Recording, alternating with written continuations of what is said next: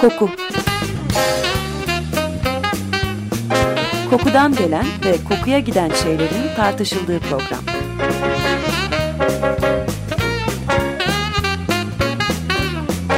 Hazırlayan ve sunan Vedat Ozan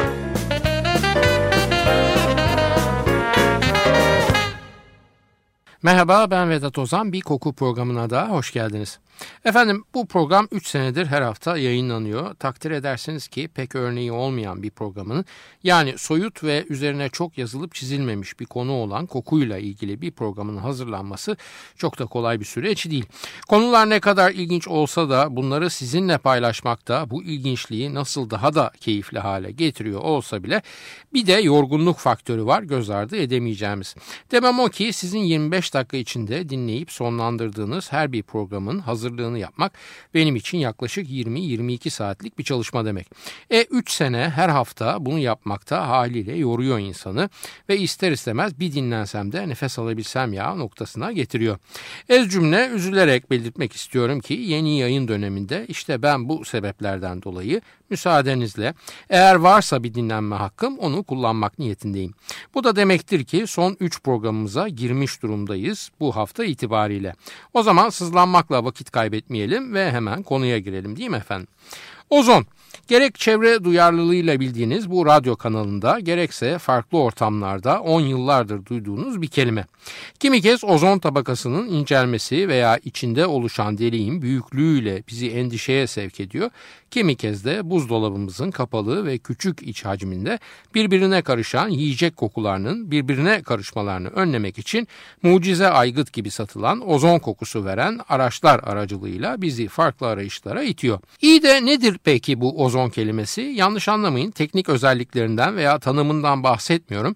Kelimenin kendisinin anlamını bilip bilmediğinizi sorguluyorum. Cevap basit ama pek çoğunuzun bildiğini sanmıyorum. Efendim ozon eski Yunanca'dan gelen bir kelime ve anlam olarak da kokmak demek. Pek çok bahsettiğimiz e, ozmos kelimesinin koku anlamına geldiğini hatırlarsak ozmos kokuysa ozonda kokandır diye çok kısa yoldan etimolojik bir mantık yürütebiliriz. Peki ozon neden kokmak demek veya ozon kokusu ne ola ki? 1750 doğumlu Hollandalı bilim adamı Martin van Marum vasıtasıyla giriyor hayatımıza ozon kokusu kavramı. Van Marum ilginç bir muhterem zira tıp ve felsefe alanında çalışmalar yapmış ve Leyden kavanozu ile yaptığı elektrik gösterileri de meşhur olmuş. Leyden kavanozu nedir diye soracaksınız şimdi. Hemen kısa yoldan ve kabaca açıklayayım. İçinde ve dışında iki elektrotla statik elektrik depolayan bir cam kavanoz. Daha sonra daha bilindik diyebileceğimiz e, elektrik kapasitörlerinin de atası işte bu cam kavanoz. Elektrik alanındaki pek çok çalışma bu statik elektrik yüklü kavanoz sayesinde gerçekleşiyor ve ileri dönük diye yorumlanabilecek pek çok adımın da atılmasının sebebi oluyor.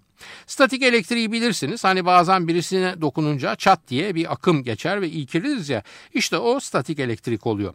Çok eski zamanlardan beri biliniyor statik elektrik zira eski Yunan'da amber parçalarını hızla sürterseniz çevrelerindeki içindeki minik parçaları kendilerine doğru çektikleri gözlemlenmiş. Şimdi şaşırarak bir yaşımıza daha girelim ve eski Yunan'da amber kelimesinin karşılığının elektron olduğunu, elektrik kelimesinin de gene bu elektron yani amber kökünden türediğini öğreniverelim. İyi de acaba sizi yanıltıyor olabilir miyim böyle diyerek? Olabilirim ve öyle de yapıyorum zaten. Çünkü burada bahsettiğimiz amber bizim bildiğimiz kokulu amber değil, düpedüz kehribar. Bu karışıklık sadece bizde değil, bütün lisanlarda var ve amberle kehribar hep birbirine karıştırılıyor. Amber kelimesi aslında Arapça ambar kelimesinden türüyor ve İngilizceye amber, Fransızcaya da amber olarak giriyor daha sonra. Kaşalot veya sperm whale dediğimiz balinanın dışarı attığı sindirilmemiş besinlerin kütlelerinden elde edilen çok kuvvetli bir kokulu malzemenin de ismi dolayısıyla. Takılarda veya tesbihlerde gördüğümüz kehribarsa fosil bir reçine ve milyon yıllık tarihi olmasına rağmen 1400'lü yıllarda Avrupa'da lisanlara giriyor. Bir giriyor, pir giriyor. Zaman içinde kokulu hayvansal amberi de unutturarak amber dendiğinde kendisinin anlaşılmasına kadar vardırıyor işi. Hem amber hem de kehribar her ikisi de sahil kesimlerinde bulunabiliyor ve karaya vurabiliyorlar ama ortak noktaları sadece bununla sınırlı. Zira amber sudan hafif olup aylarca veya yıllarca su üzerinde yüzerek taşınırken taştan hafif ama sudan ağır olan kehribar yüzeye çıkamayıp batıyor. Kelimeyi Avrupa'ya elbette Haçlılar getiriyor doğuya yapmış oldukları seferlerin dönüşünde. Sonra bakılıyor ki her ikisine de amber denmeye başlanmış.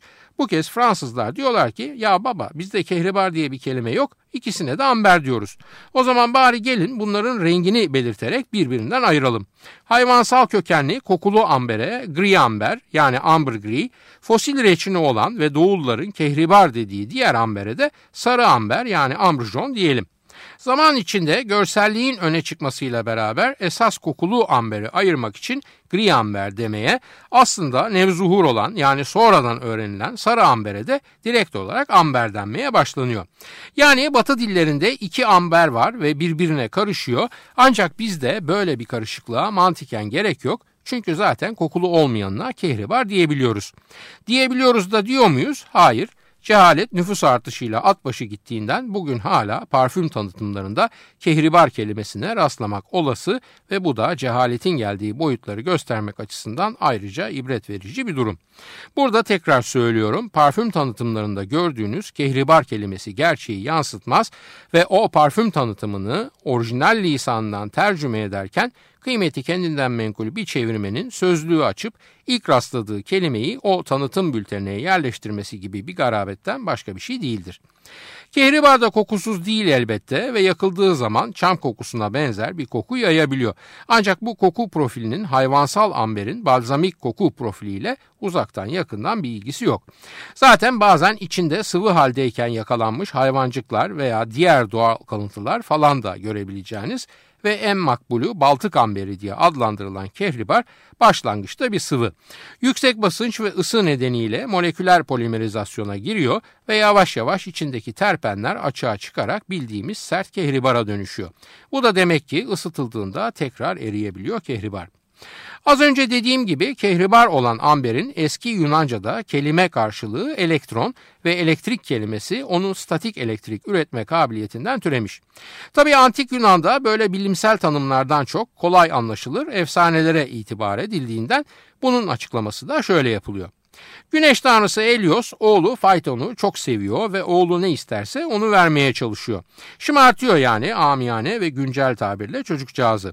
Phaeton da isteye isteye babasından cep telefonu isteyecek hali yok. Gidip baba ne olur senin şu güneş arabasıyla bir tur atayım diyerek Helios'tan arabasını kullanma iznini istiyor. Helios da diyor ki oğlum yavrum bu araba bildiğin arabalardan değil. Ben bile aya yıldıza meteora çarpmadan kullanmakta zorlanıyorum bu arabayı. Atları da zaten pek hırçın ve benim sürüş tekniğime bile zor alıştılar. Gel güzel yavrum sen benden başka bir şey iste.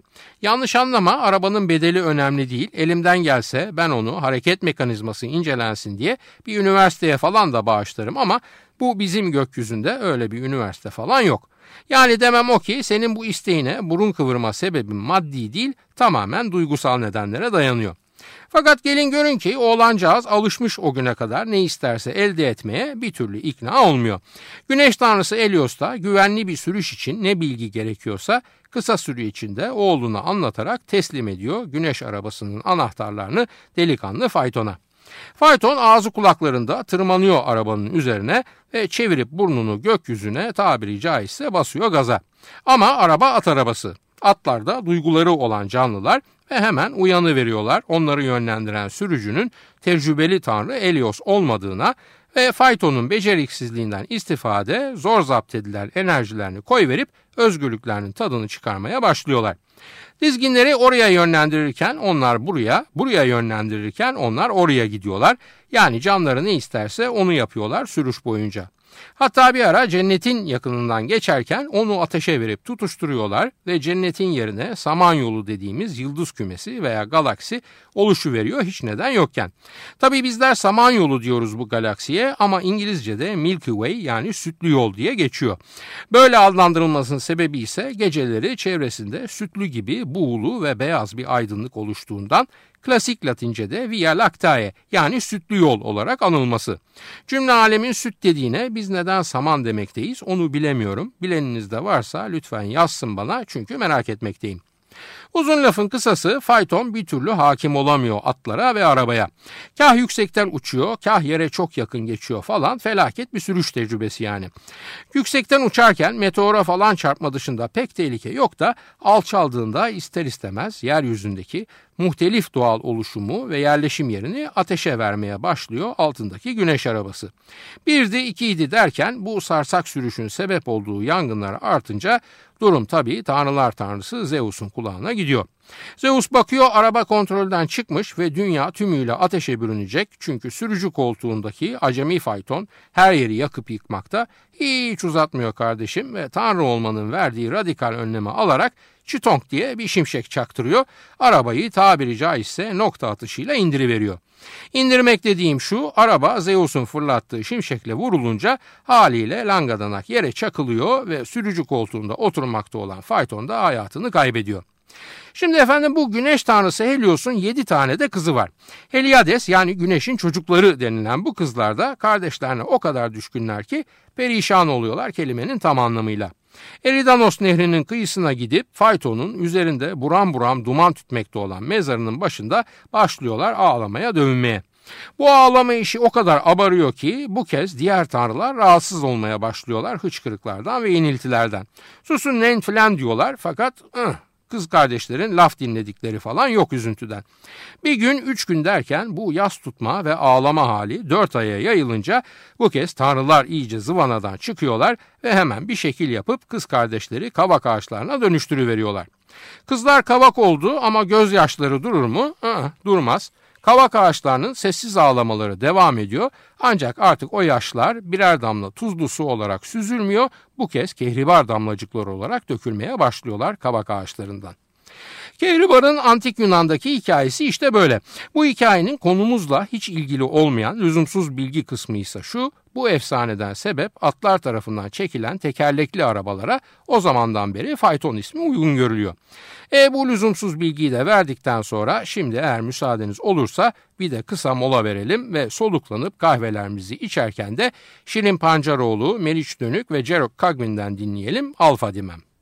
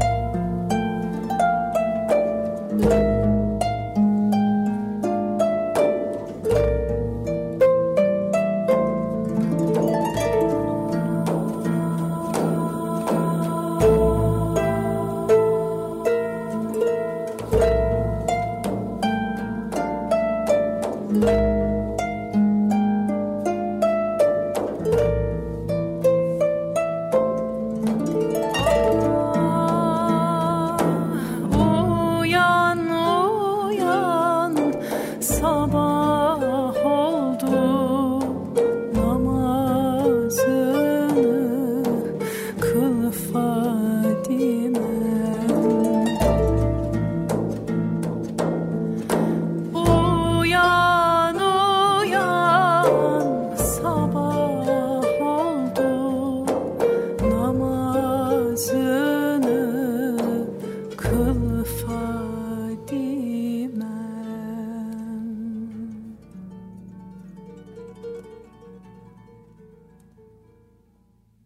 Efendim radyosunu yeni açanlar için hatırlatıyorum. Açık Radyo 94.9 Koku programındayız. Ben Vedat Ozan. Şirin Pancaroğlu, Meriç Donuk ve Gerard Cadwin'den dinledik Alfa Dimem. Güneşin çocukları Eliades'in kabak ağaçlarına dönüşmeleri ve gözyaşlarının kehribar olarak mevcudiyetlerini sürdürmelerini bir yana bırakıp ta başa dönelim şimdi ve gene gelelim Martin van Marum isimli muhtereme. Elektrostatik aygıtları olan ilgisiyle bilinen bu muhterem havadaki elektrik akımlarının ozonu oluşturduğunu buluyor. Çalışmalarının devamında da yıldırım paratonerleri için en verimli malzemenin bakır olduğunu, kurşununsa uzak durulması gereken bir metal olduğunun altını çiziyor. Adam mucit ya habire kurcalıyor çevresini ve oksijene elektrik vererek elektrikli maddenin kokusu dediği kokuyu ortaya çıkarıyor. Küçük bir hatayla elektrik çarpmasına uğramış oksijenin koku oluşturduğunu doğru olarak saptıyor da onun oksijenin bir formu olduğunu söylemeyi atlıyor ne hikmetse. E oksijene elektrik verirseniz ortaya çıkan kokuya da bir isim vermek gerektiğinden ve ozon da kokmak demek olduğundan bu oluşuma eski Yunanca'da kokan anlamına gelen ozon deniliyor sonuçta. Zaten özellikle yaz yağmurları sonrası hele ki eğer şimşek falan çakıp uzaklara yıldırım falan da düşmüşse temiz ve taze diyebileceğiniz bir koku kaplar ya ortalığı o koku işte tam anlamıyla ve doğru olarak bu Van Marum isimli muhteremin tarif etmeye çalıştığı ozon kokusu. Bugün için parfüm piyasasında çağdaş bir kısım parfümü tanımlamak için kullanılan ozon notalı parfüm veya ozonik parfüm tanımının da sebebi işte bu parmağını prize sokmuş oksijenin kokusundan mülhem oluyor ve bu terim temiz, taze, duru hatta şeffaf bir koku profiline sahip parfümleri tanımlamak için kullanılıyor. Hatta işin endüstri ayağına baktığımızda bu tip parfümlerde kullanılmak üzere sentezlenen bir kısım koku molekülünün ticari isminin de ozon kelimesini ödünç aldığını görüyoruz ve floral ozon falan gibi bir kısım ticari parfüm ham maddesine rastlayabiliyoruz. Keza gene ilk bölümde statik elektriğin ilk fark edildiği malzeme olan kehribarın antik Yunan'daki oluşma hikayesini anlatırken bahsettiğimiz güneş tanrısı Helios ve kızları Heliades'ten mülhem Helional ismi verilmiş ve ozon temalı parfümler içinde bolca rastlanan bir başka oldukça revaçta koku molekülü daha var. Bu bahsettiğim moleküller içinde floral ozon daha ozonik bir koku profiline sahipken helionalde su temasının belirginleştiğini görebiliyoruz. Keza bazı salatalık veya karpuz kabuğu gibi notalarda bu bahsettiğim ozon notalı parfümlerin ham maddeleri içinde yer alıyorlar. Aslına bakarsak temiz kokan parfümler ailesi diyebileceğimiz bu aile içinde ozon ve marin yani hava ve deniz temalı parfümler hep bir arada değerlendiriliyor. Bu durumda özellikle 1950'lerde amber kokusunu yapay olarak üretmek amacıyla laboratuvarlarda yapılan çalışmalar sırasında gelişiyor. Bu tip parfümlerin açılışı yani ilk hissedilen notaları olan üst notaları ozonla yapılırken ten üzerindeki ömürlerinin sonuna geldiklerinde yani baz notalara gelindiğinde bu kez marin yani deniz teması ön plana çıkabiliyor. Örneğin Odio ise Kenzoprom, Escape falan hep bu şablonun uygulanmış olduğu parfümler arasında sayılabilir. Elbette ozon ve marin çağrışımları yapan moleküllerin varlığı bu moleküllerin langadanak parfümlerin içine girmesi demek değil, çünkü usta seviyedeki parfümörler bunları kafadan ve direkt olarak kullanmıyorlar. Bunların etrafında daha karmaşık yapılar oluşturarak akorlar halinde parfüm formülüne uyguluyorlar. İlk başlarda herkes karpuz ketonu denilen kalona, can simidi gibi sarılmış olsa da zaman geçtikçe ve parfümörler önlerindeki yeni yolu fark ettikçe ozon ve marin temeller metalik gül notaları, lavanta, ananas ve elbette dihidromirsenol gibi dönemin mucize moleküllerini devreye sokuyor. Bunların hepsini uyumlu birliktelikler halinde kullanarak daha sofistike ama daha ozonik, daha deniz gibi ve yolun sonunda da daha metalik profillere sahip parfümler formüle edilmeye başlanıyor. Bütün bu çabalarla beraber bilindik ve klasik sıcak parfümlerin yanına bu kez soğuk ve demin dediğim gibi metalik yönü de ön plana çıkan yeni ve minimalist olarak adlandırılan tarzın temsilcisi olan parfümler katılmaya başlanıyor. İş biliyorsunuz sonunda kokudaki saflaşmayla düşüncedeki saflaşmayı bir arada değerlendirerek garip bir felsefenin oluşmasına kadar varıyor. Kısaca hava ve su saflığın entelektüelleştirilmesi amacıyla kullanılıyor ve bu da ayrı bir yaşam tarzı. Dolayısıyla farklı bir tüketim kulvarı yani farklı bir pazar açıyor önlerine.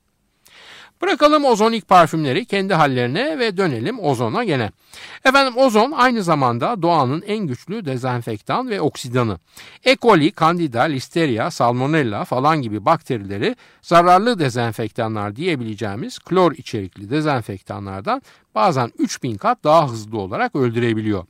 Kimyasal gaz, zararlı duman ve sair kokulu hava kirleticisinden kurtulmak için ozon kullanılıyor ve ozon sadece hava değil su bazlı kirleticiler üzerinde de etkili. Profesyonel ortam kokulandırması yapan firmalar bazen büyük yangınlar sonrasında ortamda oluşan yanık kokusunu bununla izale etmeye çalışıyorlar. Ayrıca bu dezenfektan özelliği nedeniyle ozon yayıcı koku önleyiciler buzdolabınızın içine de giriyor ve yiyeceklerde oluşan bakterilerin kokusunun önüne de bu yolla geçilmeye çalışılıyor.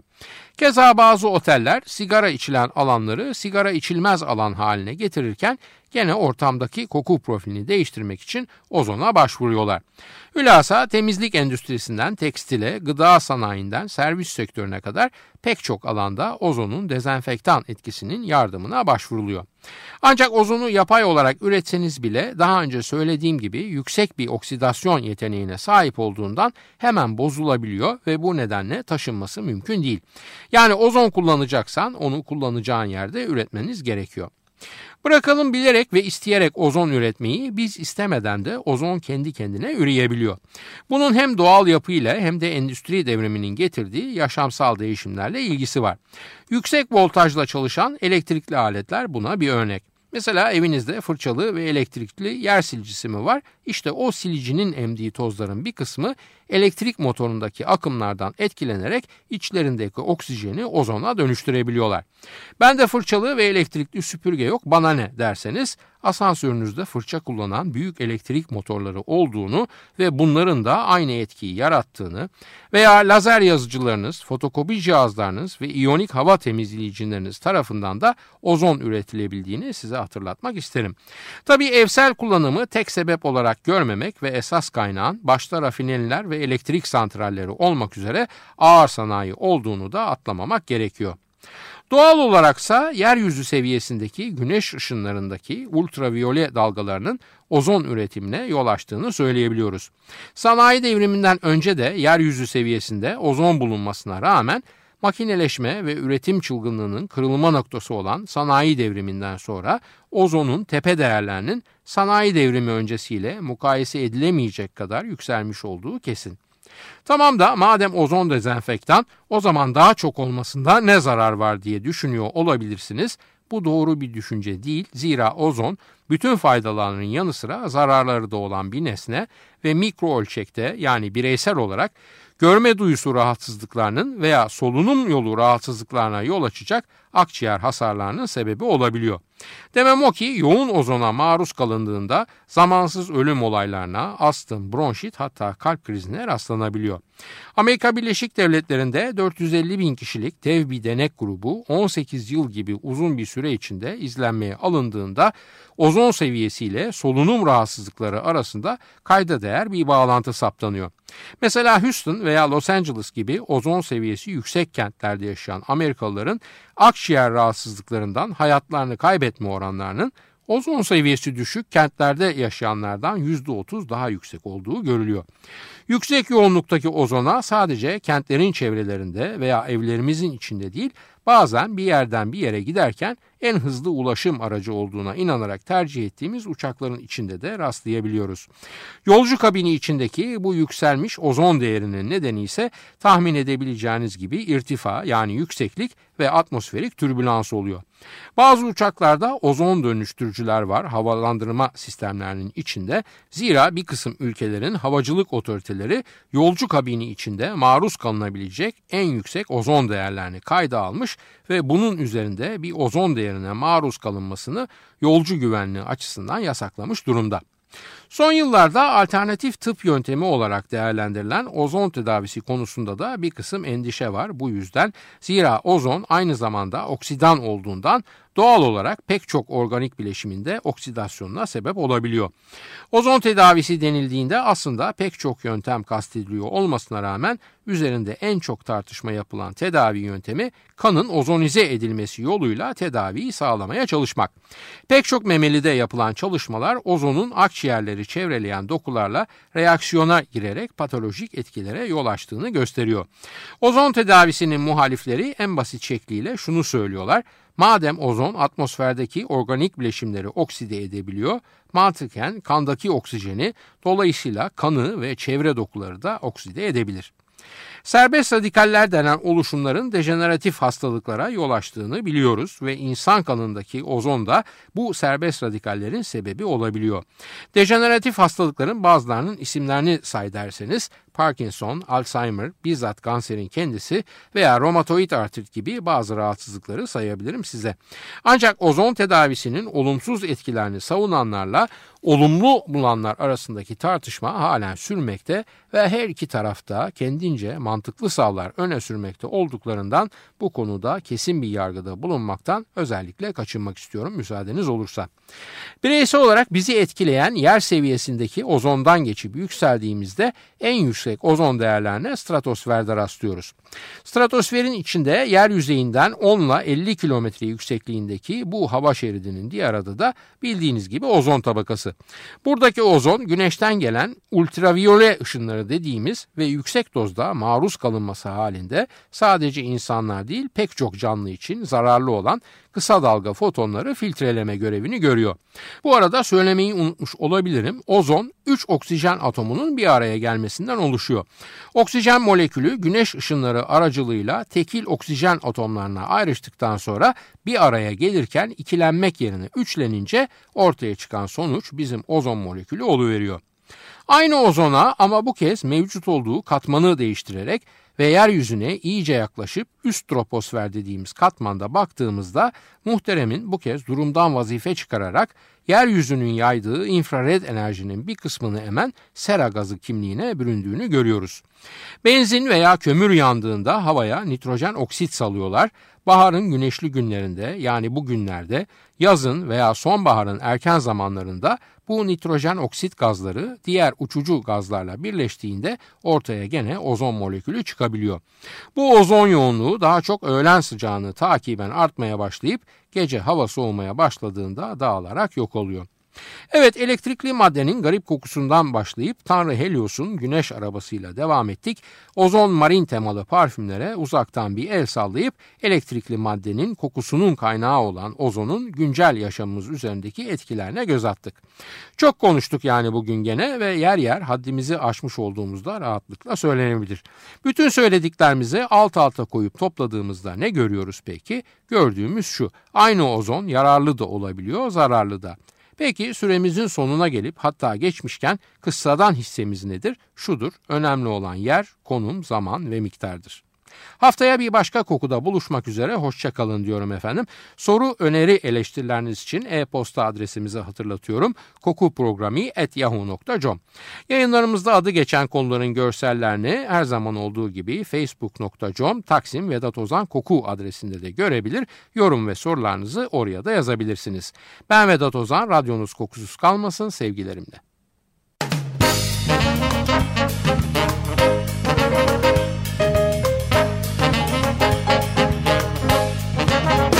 Koku Kokudan gelen ve kokuya giden şeylerin tartışıldığı program.